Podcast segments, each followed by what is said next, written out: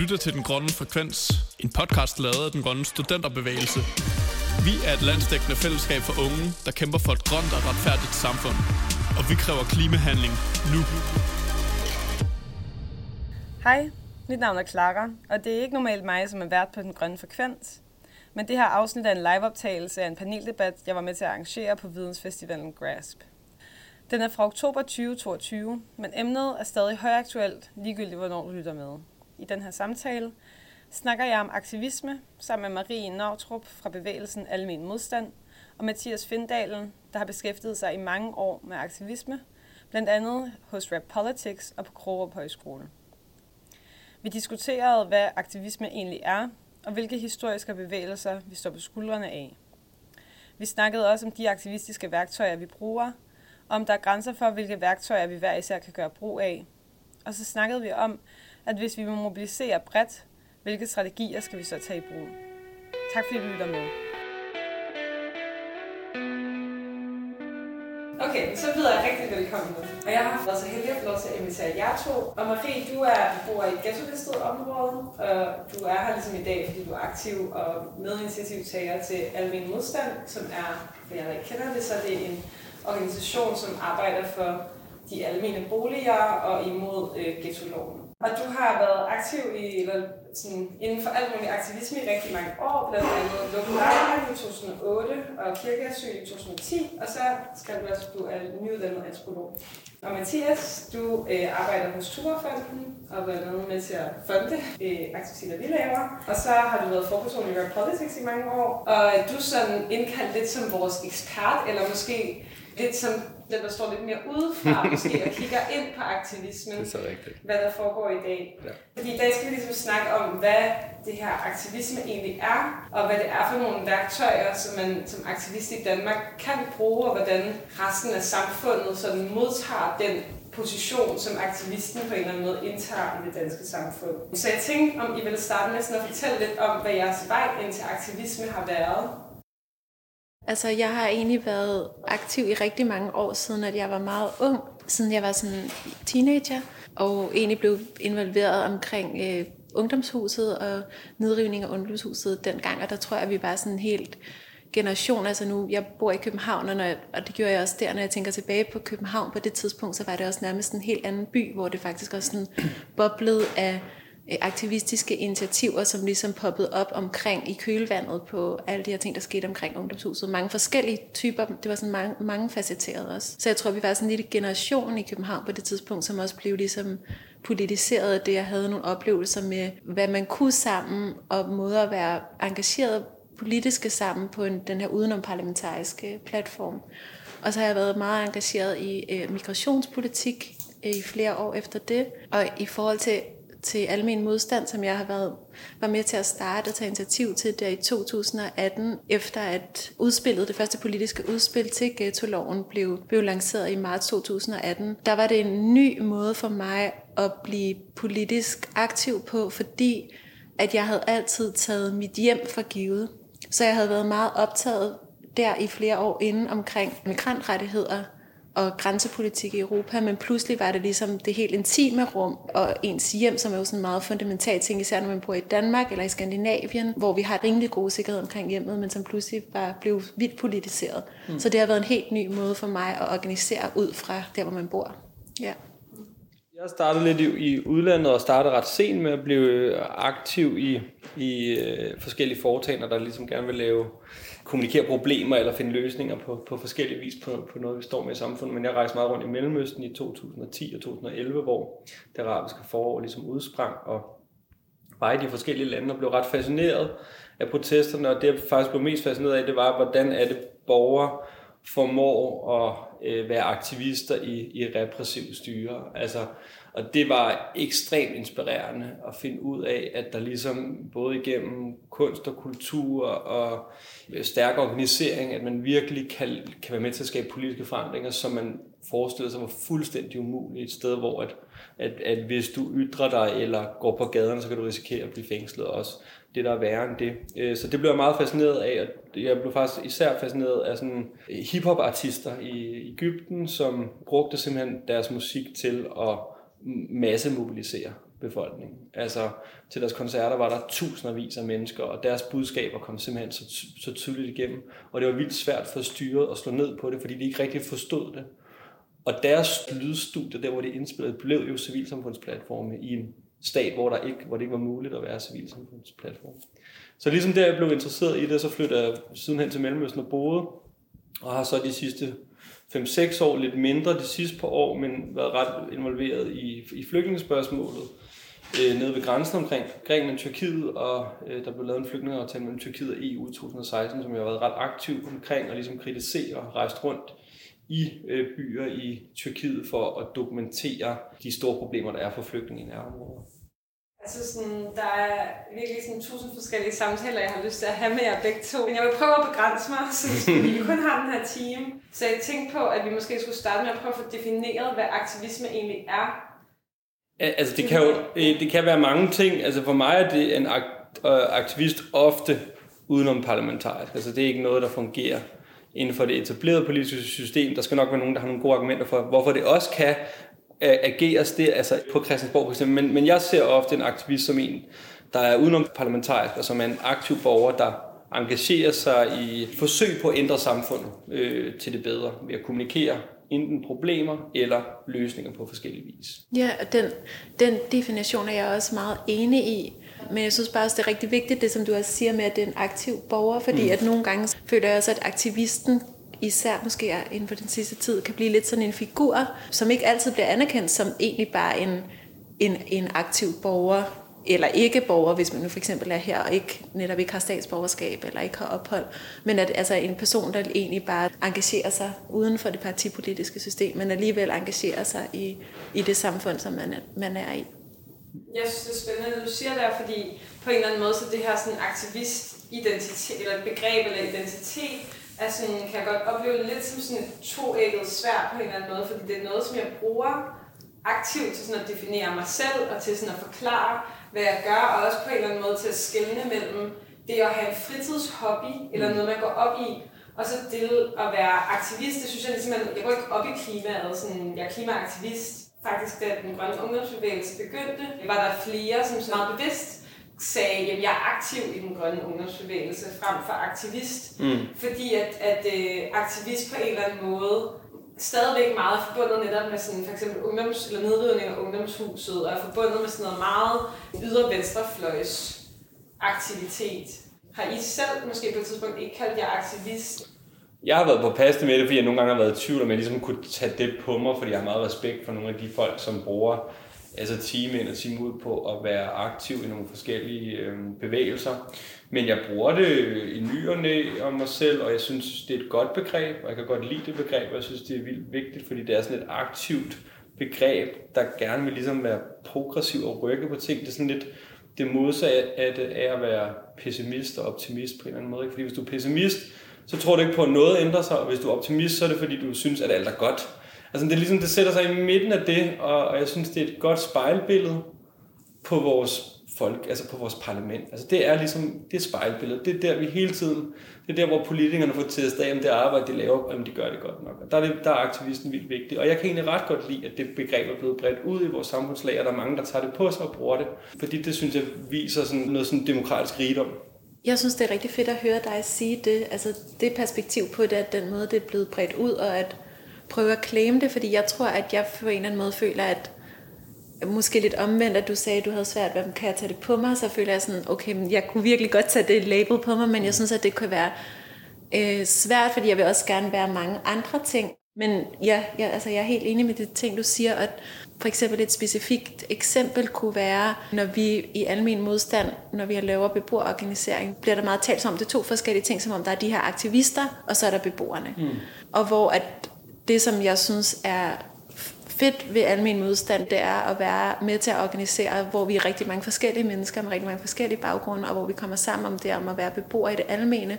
Og, og det bliver lidt ligesom om, at der er nogen, nogle positioner eller nogle personer, deres politiske handling eller aktivitet bliver ligesom ikke set, fordi det bliver ligesom, det er nærmest også lidt umyndiggørende på en måde, at sige, at det, øh, den retssag, I laver, eller den udtalelse, I kommer med her, det er bare fordi, I er blevet opildnet af aktivisterne, som så er nogle andre. Så, så, så aktivisten som sådan en politisk ekspert, men hvor man ligesom kommer til at fratage det, at altså personer, der er engageret i fagbevægelsen, som jo også har en aktivistisk tradition i Danmark, eller øh, flygtninge og indvandrerfolk, der ikke har ophold eller har forskellige opholdsstatus i Danmark, når de sultestrækker eller laver demonstrationer eller andet, så bliver de ikke set for selv at have organiseret for eksempel, eller selv at have den agens. Så kan det blive tilskrevet, at det er nogle andre aktivister udefra, der har hjulpet dem med det. Jeg tror bare også, det vigtigste er, at man, ligesom, man skal lade folk være det, de har lyst til at kalde sig Ja, selv. Ikke? Altså ja. i bund og grund i det. Jeg, jeg, jeg synes bare, at det er positivt, at aktivisten ikke kun bliver forbundet med, med, med, med det, man kunne kalde røde konflikter længere, og, og, og brudsten og alt muligt, men at aktivisten er en, en, er en aktiv borger, der virkelig gerne vil ændre nogle fundamentale problemer i vores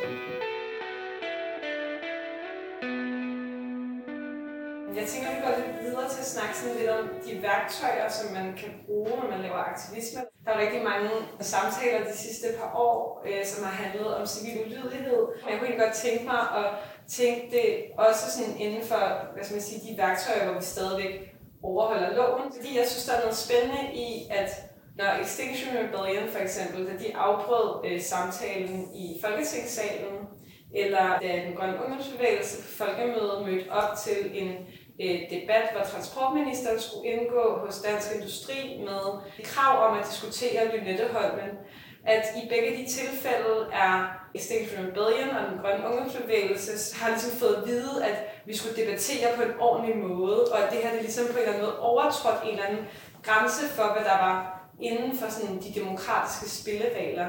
Og jeg kunne egentlig godt tænke mig at høre, sådan, hvad I tænker, den sin reaktion, hvor den kommer fra, eller hvad det handler om. Ja, altså, det lyder sådan lidt groft at sige det, men jeg får det sådan, at det er lidt historieløst på en eller anden måde. Fordi at, at suffragetterne, som startede den bevægelse, i hvert fald for stemmeret til kvinder i Europa i England, de var jo super militante. Altså, de var jo virkelig, virkelig hardcore og lavede virkelig hardcore sabotage over rigtig lang tid. Og det bliver også ligesom en måde ikke at forholde sig til måske indholdet af kritikken, eller afskriver det ved at afskrive formen, altså at formen er, eller udtrykket er illegitimt. Så kan det være en måde ligesom også at undvige diskussionen om sådan den substans, det som der bliver adresseret. Jeg synes, det er vildt interessant, fordi mange af de politikere, som hylder jo de der bevægelser fra den gang, så var civil ulydighed, som jeg synes er en vigtig ting at snakke om, det var jo en stor del af den måde, socialbevægelser agerede på, aktivister gjorde, og har været fuldstændig skældsættende for, for det, for det samfund, vi står i i dag. Så, så jeg synes også, det er bemærkelsesværdigt, øh, at de ikke ser det som en del af det demokratiske rum. For det vil jeg helt klart mene, det var. Og er en, er en del af øh, altså, den aktive borgers øh, modstandsapparat mm. på en ret legitim måde, vil jeg sige. Ja. Jeg kommer godt til at tænke på, når du siger det her med det historieløst, at jeg tror for mig, så tænker jeg også, at det på en eller anden måde handler om, at der på en eller anden måde kan være tendens til at have sådan en stationær demokratiforståelse, eller en eller anden idé om, at sådan, demokratiet er ligesom done. Det kan ikke blive mere demokratisk, end Danmark er nu. Det er jo i og for sig rigtigt, at når Extinction Rebellion afbryder folketingsdebatten, så går de jo faktisk ind og afbryder demokratiet, hvis man forstår demokratiet som den samtale, der foregår i folketingssalen. Og lidt på samme måde, ikke? Hvis, når DGUB går ind til den der øh, debat på, på folkemødet, altså det er sådan, om oh, I, I er ligesom ikke med på, at nu er vi på folkemødet, og I er ikke med på sådan præmissen for den her debat.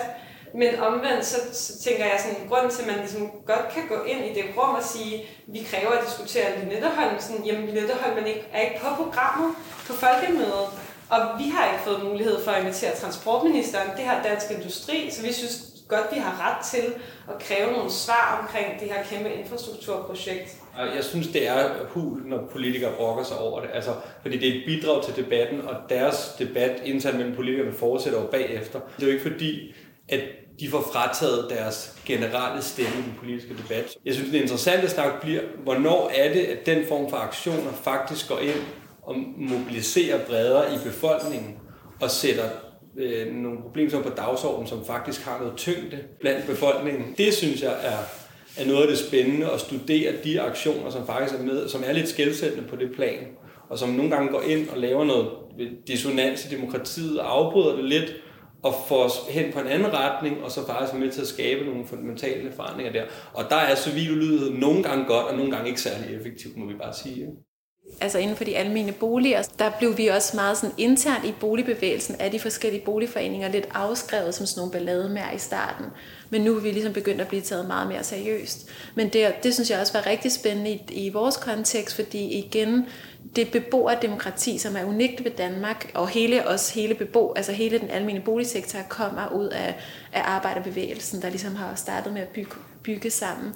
Men også i slutningen af 60'erne og starten af 70'erne, der var der en meget, også meget militant, meget aktiv beboerbevægelse. Der var Nørrebro Beboeraktion, Vesterbro Beboeraktion, Nansensgade havde også deres egen grupper, og de lavede blokader og huslejestrækker og, og besatte lejligheder og nægtede at flytte, og var også meget tæt linket med arbejderbevægelsen, som også samtidig prøvede at forsvare deres ret til for eksempel også at blokere øh, lave blokader, som man også stadigvæk gør i dag, når der bliver brudt overenskomst og så videre, og forsvare deres ret til at strække, som vi også stadig har strækkeretten i Danmark. Og det og er faktisk ud af den her bevægelse, beboerbevægelse, der var i 70'erne, det var, efter, det var i kølvandet på den, at øh, det beboerdemokratiet blev grundlagt inden for den almene beboersektor, og det var også i kølvandet der på, at LLO blev oprettet, og at vi fik mange af de lejerettigheder, øh, som mm. vi har i dag.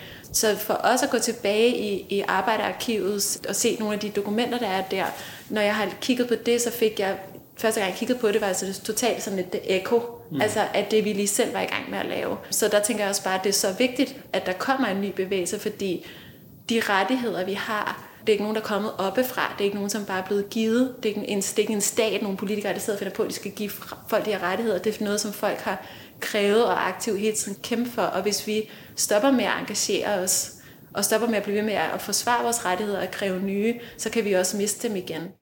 Jeg synes, det er et andet kendetegn, man godt kan, kan snakke om i forhold til aktivisten i dag.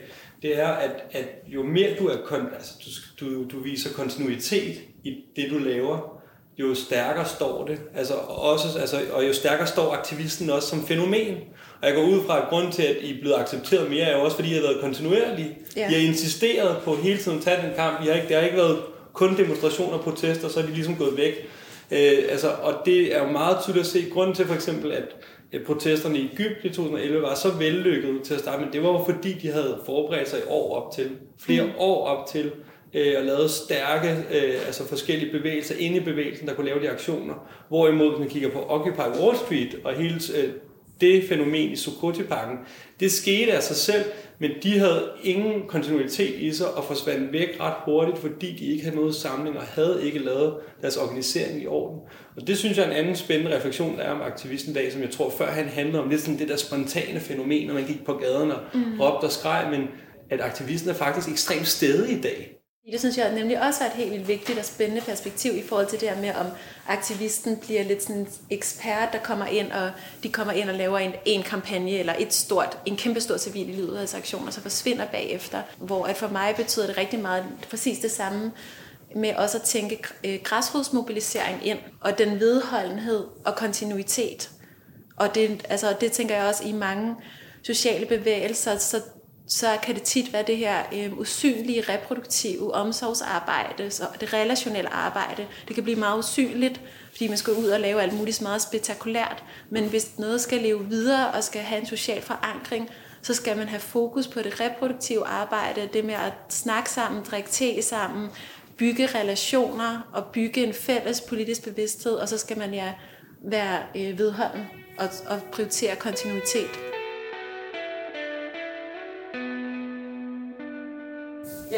Kunne tænke mig lige at tage fat i det, som du sagde, siger sådan noget. Altså det her med, hvad for nogle aktioner, som på en eller anden måde lykkedes med at mobilisere bredere, fordi jeg synes, sidder som aktivist eller en aktivistgruppe, og øh, har en eller anden dagsorden, og man tænker sådan, hvad for et værktøj skal jeg bruge? Ikke? Fordi sådan, der er virkelig mange værktøjer, alt fra sådan læserbreve og møder med politikere og prøver at presse hvad ved jeg, fagbevægelsen til at trække deres støtte, eller prøve at presse de røde partier, eller sådan. Man kan virkelig gå igennem mange forskellige veje, og nogle af dem er også, de har meget offentlige ting.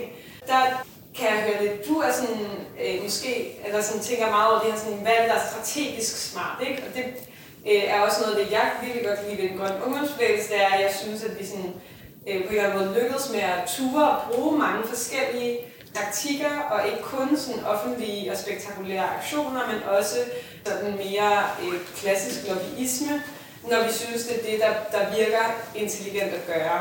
Men samtidig så er der jo også lidt det her element af, at det er bare sindssygt svært at forudse, hvad der mm. kommer til at virke. Eller sådan en af vores venner har det udtryk, han kalder change by chance, som bare lidt er sådan, jamen nogle gange så kommer noget, og så dukker der 50.000 mennesker op, og så gør man det et år senere, og så kommer der 4.000, og man er sådan, hvad skete altså i mange bevægelser, som er ret succesfulde, så er der jo både strate, altså de strategiske, men der er også taktikerne. Ikke? Og taktikerne er jo dem, der er mestrene til nuet. Og gribe nuet og ændre taktik og gøre noget. Det er faktisk sådan, det er virkelig vigtigt, at man har begge dem, og man anerkender begge måder at aktivisme øh, på i det. Og der er også er nogen, som ikke kan bruge hver aften på det her, og som hellere vil med til nogle forskellige øh, aktioner, som er meget handlende. Det bliver man nødt til at have den forståelse. Det synes jeg bare er en dynamik, som er afgørende og vigtig. Det synes jeg også. Altså man har brug for det hele, og det er også altså, alt efter, hvor man, hvad det er for en kamp eller tema, man organiserer omkring, og hvad man er for en person, altså hvad man er for nogle mennesker og for nogle vilkår, man har, så vil det jo også være vildt forskellige ressourcer, man har til rådighed. Og det er bare rigtig vigtigt at anerkende, synes jeg, folk, der kan øh, være aktive på forskellige måder. Men der er måske også et eller andet i, altså sådan, i forhold til, at du ser med både at have folk, som er sådan meget strategiske og sådan kigger på den lange bane, og have folk, som på en eller anden måde forstår og tænker sådan, okay, men på lørdag sker der det her, sådan, kan vi gøre noget ved det konkret? Der ligger jo på en eller anden måde, for at man har de der forskellige typer mennesker, ligger der jo også lidt det relationelle arbejde, du snakker okay. om, Marie, med sådan at sørge for, at der faktisk er plads til i den bevægelse, man er i, at have de her forskellige typer. Man skal bare virkelig, virkelig også prøve at lære, hvad for nogle potentialer der er. Hvad er det for noget, som både er stærkt i forhold til vores egen sag, men som også kan mobilisere bredere. Altså have den balance, og hvis man skal kunne mobilisere bredere, så skal man virkelig have nogen, som både kan lave spektakulære ting og gribe nu, men som virkelig står strategisk stærke også. Fordi du skal finde den lim, som kan mobilisere bredere i befolkningen, end det, som lige nu optager øh, nogle særlige grupper, hvis du vil have det i hvert fald ud og virkelig lave de der fundamentale forandringer. Og derfor så, så, tror, jeg, så tror jeg virkelig, at man skal hylde begge øh, de, de øh, dele af, af den sociale bevægelse. Altså bare med det der med lim, at jeg det der med også at få prioriteret den der den sociale lim på en eller anden måde, mm. sådan så det netop ikke dør ud efter man har også måske brændt sig selv, været måske 100 mennesker, der brændte sig selv helt ned, fordi man skulle håndtere pressearbejde mm. og altså tusind forskellige ting og op til en eller anden stor dag, og så er det et kæmpe sådan, brag, og så bagefter så er man bare helt kørt ned, og så ses vi om tre måneder måske. Og at ved det der med at tænke internt også i, i sådan noget vedvarende organiseringsopbygning, men helt sikkert, at begge dele er, er ligesom mega vigtige, tænker jeg også. Jeg tænker også, når du snakker om, at man skal sådan i bevægelser have blik for sådan både det aktuelle og sådan det, som kan sådan mobilisere på lang sigt. At der hører jeg dig sådan omtale bevægelser mere bredt, fordi jeg tænker for eksempel, at klimakampen, at der er det ikke nødvendigvis Extinction Rebellion i Danmark, som kommer til at have succes med at mobilisere bredt, men de på en eller anden måde dem, som gør, at når der er otte fra den grønne ungdomsbevægelse, som sultestakker i en uge, så virker det mindre øh, ekstremt og måske mindre fremmedgørende over for sådan den brede befolkning. Ja. Man har ligesom også brug for inden for bevægelser, der er nogen, der sådan skubber lidt til sådan det der vindue af, hvad for nogle taktikker, som på en eller anden måde virker bare sådan relativt acceptabelt for sådan den brede befolkning. Og jeg tænker, det kunne være spændende at høre, fordi mit indtryk er, at sådan, der er jo masser af klimaaktivister, der har brugt civil ulydighed, også i Danmark. Og der er jo selvfølgelig også øh, boligaktivister i Danmark, der har brugt civil ulydighed. Altså, vi har jo en lang historie med besætterne og sådan noget. Men almindelig modstand har ikke, så vidt jeg ved, har lyst til at sætte knytte på ord til sådan, hvad er jeres tanker om ikke at gå den vej. Almen modstand, vi organiserede på den måde, at vi var nogle få beboere, der gik sammen der i 2018, lavede en lille forening, og så lavede vi et, et navn og et, et logo og et grundlag af nogle samarbejdspolitikker. Og så var ideen egentlig, at så kunne alle, der ligesom var enige med det, de kunne ligesom tage det navn på sig. Så på den måde er vi meget sådan fragmenteret og flad øh, horisontal organisering, og det giver os både en, rigtig mange udfordringer, og det gør også for rigtig meget at være en styrke samtidig, fordi at det har givet plads til spontanitet, og folk kunne handle hurtigt og sådan noget. Så på den måde så er jeg ikke, heller ikke her som sådan, at jeg kan tale på vegne. Vi har ikke sådan en fælles på den måde strategi. Men jeg tror også, det der i forhold til civil ulydighed, og det der med at bryde loven, at der tror jeg også bare, man skal huske på, at folk har også nogle forskellige positioner, hvor man kan blive set på forskellige måder, og vi bliver heller ikke straffet måske lige. Altså der er både måske en kulturel hård social bedømmelse af mange beboere, der bor i de her ghetto-listede områder, hvor en af de stereotyper, der netop er, er, at man er kriminel, og man bryder loven osv. Der er også rigtig mange øh, familier, som er folk, som er på forskellige måder både ressourcestærke, det er ikke fordi man er ressourcesvag, man har ret mange ressourcer, men man er ligesom måske underprivilegeret og på den måde er i nogle skrøbelige situationer. Der er jo også fattigdom i Danmark, og det er jo også rigtig mange af de mennesker, der bor i det her område, eller førtidspensionister osv. Så, så derfor er det ikke øh, måske det samme sted øh, at handle fra, som når nogen af jer i den grønne ungdomsbevægelse ligesom kan gå ud og, det ved jeg ikke, lave en vejblokade eller et eller andet. Mm. Så på den måde så har man også ligesom nogle forskellige positioner. Mm. Øh, men jeg synes, at det er rigtig vigtigt, at man ikke er fordømmende over for folks forskellige måder at handle på. Det tror jeg ikke er godt for en bevægelse at tage afstand fra hinanden. Men jeg tror, man må finde ud af, der hvor man er, hvad er den måde, der giver mening for en at handle på. Og så tror jeg, at alt det der forskellige pres med forskellige metoder til sammen kan være med til at skabe et, et større vigtigt pres på en måde. Jeg tænkte på, om vi skulle prøve at snakke lidt igen om sådan andre eksempler på det her med, med ting, som på en eller anden måde er, har, øh, er blevet kritiseret for enten at være sådan forstyrrende eller decideret antidemokratiske. Der er jo masser af eksempler på det, men jeg er egentlig mere fascineret af de eksempler, hvor det lykkes, at man bruger sine aktioner, som er kritisable, men der kommer alligevel noget ret godt ud af det. Jeg er ret interesseret i, det, man kalder for kreativ aktivisme, ikke? altså mødet mellem det kreative i dig selv og det aktive i dig selv, og det er lidt to forskellige ting, og kunsten står nogle gange for sig selv, og aktivisten står nogle gange for sig selv, så det er, når man kan få dem til at spille sammen, og, og skabe aktioner, som får borgeren i spil. Det synes jeg er vildt fascinerende. Og der er utallige spændende eksempler. Der er, der er et eksempel, som jeg elsker, og det er fra Sverige, hvor at, øh, man i en lille by, der hedder Skarkhal, som er sådan en by, hvor man lever af træsår. Altså, der, det er ligesom, den er bygget op omkring, at der er 3.000 mennesker, som er forbundet til deres træindustri. De har aldrig haft noget kulturliv i den by, og der har ligesom aldrig været noget, noget sådan dynamik omkring det at være aktiv borger. Man, man går på arbejde, og man går hjem i ens i privat hjem efterfølgende. Og så havde man hyret, så havde kommunen hyret en chilensk kunstner til at bygge et museum der. Og, og det gjorde han så, øh, og det var også lidt fremmed, for han kender jo intet til det sted. Han byggede som museet, og så var der jo så den store dag reception, og den røde løber var, var, var ude på vejen, og der var fanfaremusik og det hele, og så foran alle borgerne, så brændte han museet ned. Og det er jo i sig selv lidt brutalt, men hvad skete der dagen efter? Det var jo, at alle borgerne gik op og bankede på borgmesterens kontor og sagde, at vi vil gerne have et museum. Så de var ligesom blevet mindet om, okay, det var jo helt klart et behov, vi havde, det havde vi slet ikke set, og det, at han kom ind og skubbede til det, at selv da det så skete, og man, man tændte ild til det, var det for voldsomt. Men dagen efter, så var, det, så var der pludselig en række aktive borgere, som ville skabe kulturliv i den her svenske by. Det synes jeg er, altså det er det fede møde mellem det kreative altså, og aktivismen til at skabe forandringer. Det, det er noget, jeg er ret fascineret af. Og jeg er generelt, når jeg studerer øh, aktivister og sociale bevægelser, er jeg ret i tvivl om, om man skaber nok med de klassiske metoder, vi har i dag. Altså at uddele flyers og lave demonstrationer og stå på ølkassen og holde tale og sådan noget. Ikke at de ikke er værdige i sig selv, det er det. Jeg ved bare ikke, om potentialet er nok i de aktioner længere. Jeg tror, man skal involvere med andre metoder i, den, i det liv, vi lever i i dag. Det er jeg også rigtig meget enig i. Altså en blanding af det der, og også at bruge... Du havde jo også det her eksempel med, altså fra din, den måde, du blev involveret igennem de her øh, musikerkunstnere. Mm. Altså jeg tror også, at øh, det at have en kultur og have en æstetik og have en poesi og noget kunst på en eller anden måde, at det tror jeg altså er helt vildt vigtigt for at være med til at opbygge en ny... Øh, bevidsthed om forskellige ting og forståelse for forskellige ting. Det er sådan noget, som jeg også synes kunne være vigtigt at prioritere. Det sammen med, at det også er virkelig vigtigt det her med at bygge organisering, altså græsrodsorganisering. Så er der et andet ting, jeg tænker på i forhold til det her med organisering. Det er, at jeg føler, at der er så meget stigende polarisering i vores samfund og i Europa, og der er jo også rigtig mange sådan totalitære tendenser, og der tænker jeg også, at det er ligesom vigtigt at prøve at tænke over det som bevægelse. Det er jo det store spørgsmål, vi helt stiller os selv i dag. Hvordan er det nogle af de her fuldstændig virkelig vigtige øh, bevægelser på bolig, eller på klima, eller på alle mulige andre spørgsmål også. Hvordan bliver de bredt forankret i vores samfund i dag? Og det eneste, jeg tror, det er, at der er noget, der skal blive et tydeligt presserende problem for alle borgere, som ligesom skal være tydeligt lige nu og her, lige foran en.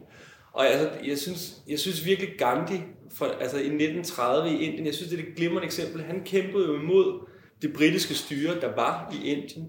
Og han forsøgte i mange år at råbe øh, vagt i gevær over, at der var ude og masse mobilisere sådan noget. Men han kunne ikke mobilisere på det, selvom man tænkte, det her er så præsent. Og det var først, da han fandt ud af, at britterne havde puttet en voldsom skat på salt, øh, som var den mest fundamentale krydderi, eller hvad vi skal kalde det for, for inder, at han mobiliserede. Og så kom det andet ligesom så, når ja, og det er britterne, der ligesom har lavet det, altså, så nu skal vi virkelig... Og så mobiliserede han hele landet, og så kom det af sig selv. Vi har så få studier, som vi bare kan sige, der er svaret. Men jeg tror virkelig, at det der eksempel er så vigtigt og godt, at det her med, at det skal være noget, der berører folk i deres hverdag. Og det er det, vi også mærker i forhold til, at der er rigtig mange i det område, vi mobiliserer, hvor folk for eksempel er vildt frustrerede over den racisme, de føler, de oplever generelt. Men det kan være meget abstrakt og svært at mobilisere mod det. Men når det er ens hjem, der bliver angrebet, så, kan man, så, er, der virkelig, så er det virkelig konkret. Mm. Og det tænker jeg, det er det samme som, som det eksempel, du giver. Ikke? At det er virkelig vigtigt at finde ud af, hvad det er, der rører sig for folk i deres hverdag. Sådan, så det spektakulære i aktivismen, som også er helt vildt vigtigt at blive holdt fast i, det er ikke fokuset på det må ikke ende i noget, i noget elitært. Jeg bevæger sig må ikke blive elitær, fordi så tror jeg, at det spalter mere, end det, end det sådan griber for folk der skete jo alligevel et eller andet der i 2018 i, i klimakampen, måske på grund af den meget varme sommer, måske på grund af den her opblomstring af bevægelser, både i Danmark, men også i udlandet med Fridays for Future, med Extinction Rebellion, som, ligesom er startet hen, på en eller anden måde henholdsvis i Sverige og i Storbritannien. Men hvor jeg, sådan, jeg synes stadigvæk ikke rigtigt, vi har lykkedes med i klimabevægelsen, sådan bredt forstået, og, og finde det der, hvor, sådan, hvor det berører danskerne på sådan deres helt personlige plan, eller på sådan en meget presserende måde. Hvis jeg sådan kigger ud over sådan bredt Danmark, specielt sådan, når vi kommer ud i sådan, det ved jeg ikke, min onkel og tante i sådan kolding at det er sådan, der er det bare stadigvæk noget ret abstrakt. Og jeg synes, der er noget spændende i noget, der sker i Storbritannien lige nu, som er en bevægelse, der hedder Don't Pay UK, som øh, forsøger at genindføre, du snakkede om, om legebetalingsstrække, som prøver at genindføre betalingsstrække på heating og elektricitetsregninger, fordi der simpelthen har været så store stigninger på priserne, samtidig med, at virksomheder som Shell og British Petroleum har trukket kæmpe overskud det her seneste kvartal og halve år. Men jeg vil gerne lige vende tilbage til det her eksempel, vil jeg heller ikke kende, som lyder sindssygt med det her museum, der blev sat øh, i brand til åbningsdagen. Øh, fordi at jeg nemlig tænkte over, at der, det her med at afbryde debatten i Folketinget, det er jo ikke fordi, vi ikke ved, at vi bliver upopulære, når vi gør det. Der er jo også en meget bevidst sådan, idé med at bruge provokationen som værktøj, fordi det er den måde, man får medierne til at dukke op. Så der får man i hvert fald, altså, der er jo lidt nogle gange en tendens til, at øh, bad publicity is good publicity, også inden for politiske bevægelser. Fordi at det kan godt være, at vi også skal snakke meget om formen, men vi får også chancen for at sige, jamen vi har faktisk sultestrækket en uge, fordi vi mener, at det her det er ekstremt akut.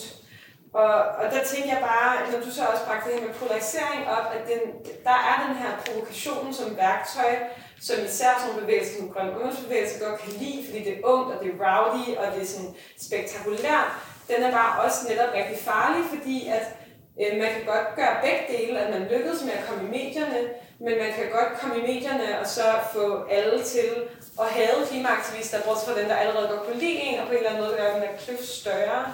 Så jeg ved ikke, om vi har sådan, delt nogle flere refleksioner over det her med sådan provokationen, for det var jo et super eksempel, men har, nok, har også været sindssygt provokerende, mm. at et nyt museum bliver brændt ned for øjnene af andet. Ja, man skal være meget bevidst om, når man bruger provokationen, om i hvilket terræn du bruger det. Ikke? Altså, du skal virkelig have aflæst, at det her, det, det, det kommer til at fungere. Og det skal nok mobilisere for at gøre det, for ellers så kan det lige præcis have fatale konsekvenser. Og jeg kan ikke sige andet, end jeg mener, at provokation er en, en fundamental del af det at være aktivist i dag. Det må bare overhovedet ikke stå alene, og det må ikke i nærheden stå alene. Men det, at man tør provokere og sætte ting på spidsen, og samtidig have styr på sine ting, og virkelig lave organiseret, stærkt arbejde, at, det, at begge de ting er vigtige. Øh, men hvis man kun er der øh, for at provokere og lave aktioner, der provokerer borgerne, og slet ikke følger op med det på andre måder, på andre platforme, og er åbne i dialogen andre steder, så er det svært. Altså, det må man bare sige. Det er egentlig også det samme, jeg tænker, og så igen det der med, at, at den provokation, den skal være, der skal være en eller anden øh, bevidsthed om magtforhold i det, at det man skal ramme, at, at man skal sparke op af, ikke? Altså, man skal ikke begynde at sparke nedad på dem, der er dumme og ikke har forstået, fordi man selv er så intelligent. Eller, altså sådan, den der retorik, den kan man nogle gange godt forfalde til, når man er rigtig frustreret over en eller anden politisk status quo. Men øhm, ja, det skal bare adresseres det rigtige sted hen. Og det tror jeg også sådan internt i bevægelser, det man organiserer sammen med, at der tror jeg, at det er vigtigt at have den øh, refleksion med sig, at man ikke bliver elitær, selvom man er sådan i nogle perioder mega træt af det hele, og ja, frustreret. Hvad tror I, i den, altså hvad når I har haft diskussioner i den grønne ungdomsbevægelse omkring, hvad der ligesom skal til for at skabe en bredere mobilisering? Altså hvad har, hvad har, I, hvad har været op at vende, eller hvad har, I, hvad, har I, hvad har I tænkt om det? Hvordan har I snakket om det? Eller har I også bare sagt, det er ikke der, vi er lige nu? Og det må komme om 5, 10, 15 år, også selvom vi står for en presserende mm. nødsituation.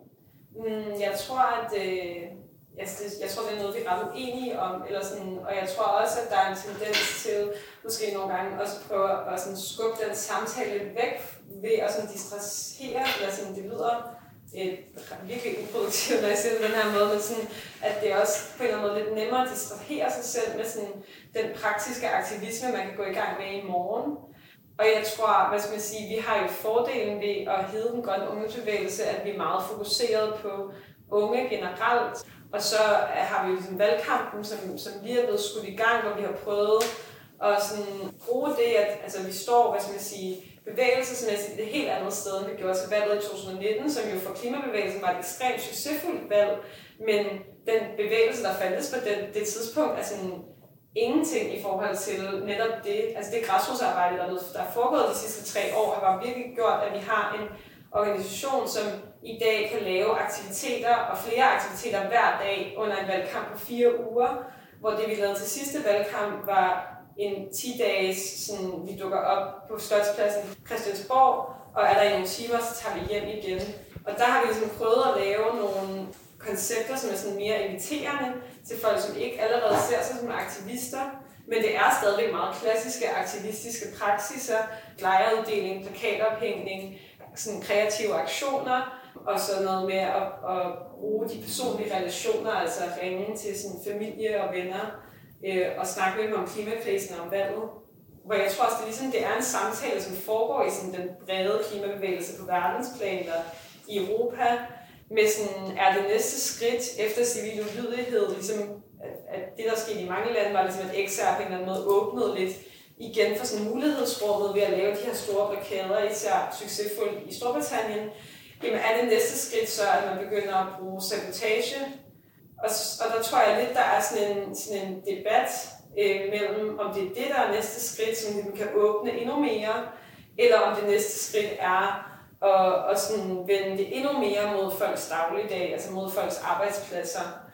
Ja, men, men der synes jeg nemlig, at sådan noget som Don't Pay UK er helt vildt interessant, fordi at så vidt jeg lige kan gennemskue, så er der sådan nogle af de samme mennesker med, som har lavet sådan noget Fossil Free London og har arbejdet inden for sådan en klimadagsorden, som nu er med i den her meget mere sådan... Øh, Folkelig forankret ja, ja.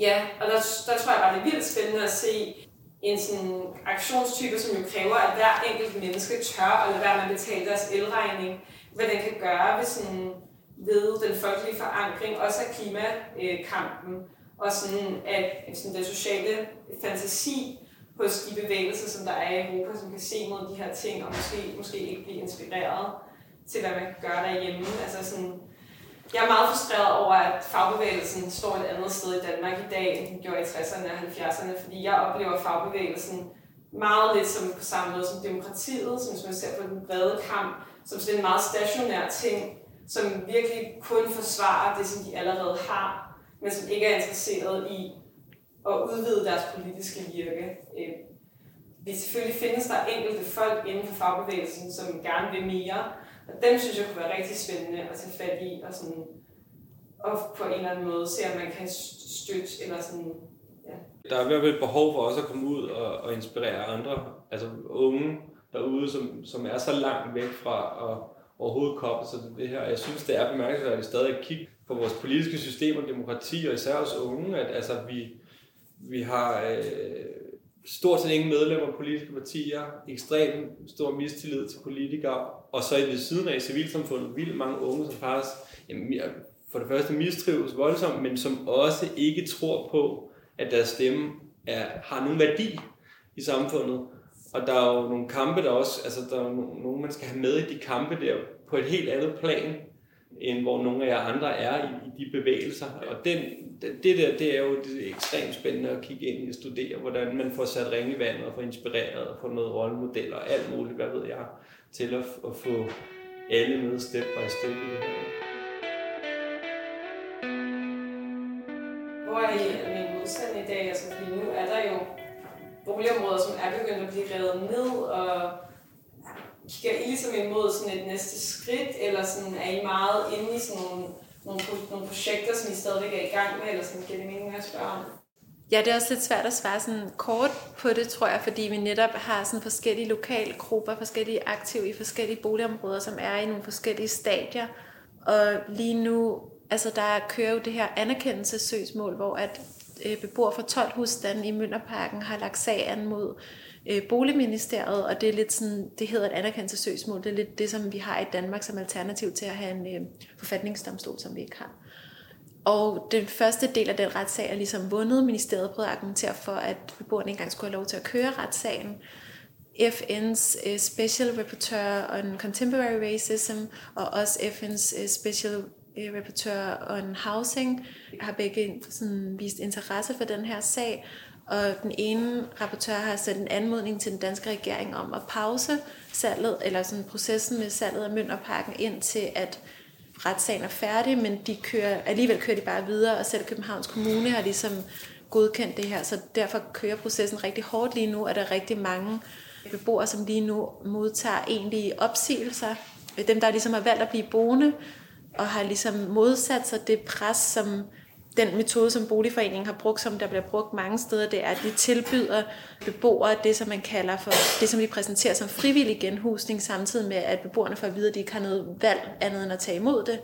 Men det, det der er, at hvis de tager imod det, i stedet for at vente på opsigelsen, så er der ikke nogen måde, øh, mulighed for at gøre øh, protest mod det sådan retsligt.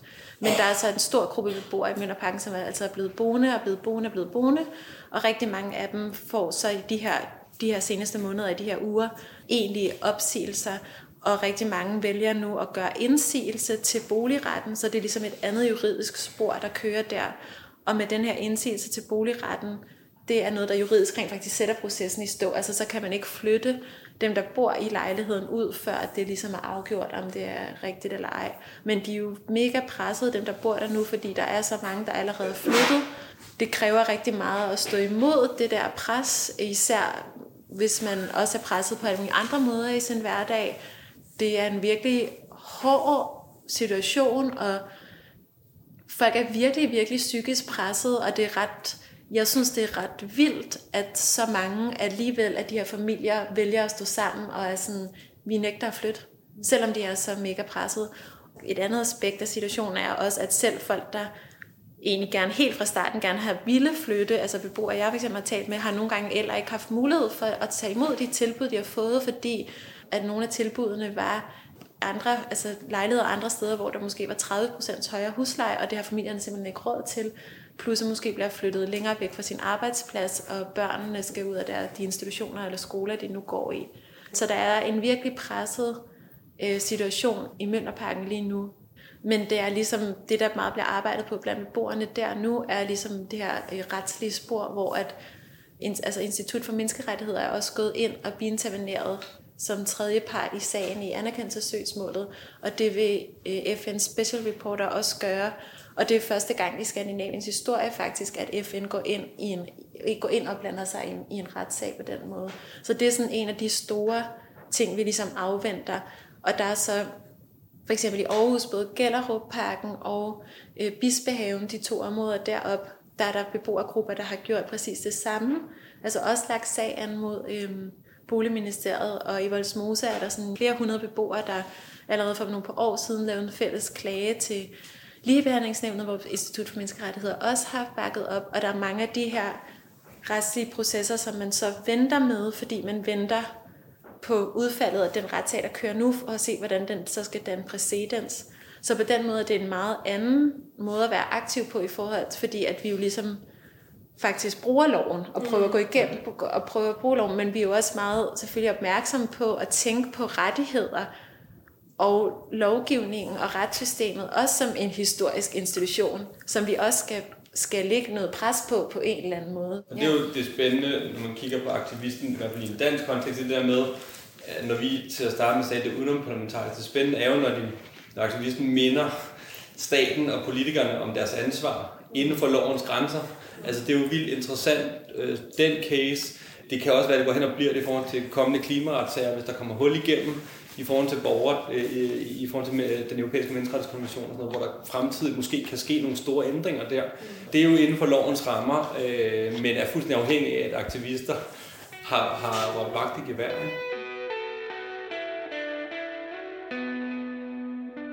Her slutter min samtale med Marie og Mathias. I afsnittet nævnte Marie, at beboerne i Mølnerparken har lagt sag an mod Boligministeriet. Siden podcastoptagelsen er der nyt i den sag. Østre Landsret har nemlig afgjort den 7. november, at sagen skal videre til EU-domstolen. De skal nu vurdere, om det er ulovlig forskelsbehandling at kategorisere boligområder ud fra beboernes ikke-vestlige oprindelse. Og udfaldet af den vurdering kan have stor betydning, ikke kun for beboerne, men for hele ghettoloven som sådan, og dermed de almene boligområders fremtid. Det bliver sindssygt spændende at følge med i. Og samtalerne om politisk handling og politisk aktivisme slutter selvfølgelig ikke her. Hvis du er blevet nysgerrig på at finde ud af, om det også kunne være noget for dig, så kan du finde den grønne ungdomsbevægelse og almen modstand på sociale medier, hvor du også kan finde ud af, hvordan du kan blive aktiv. Du skal i hvert fald vide, at vi har brug for dig. Og til allersidst, så hvis det her er det første afsnit af Den Grønne Frekvens, du har lyttet til, så prøv at tage et kig i vores øh, ældre episoder, for der er mange flere podcast om, hvad aktivisme gør ved os og ved verden. På genhør.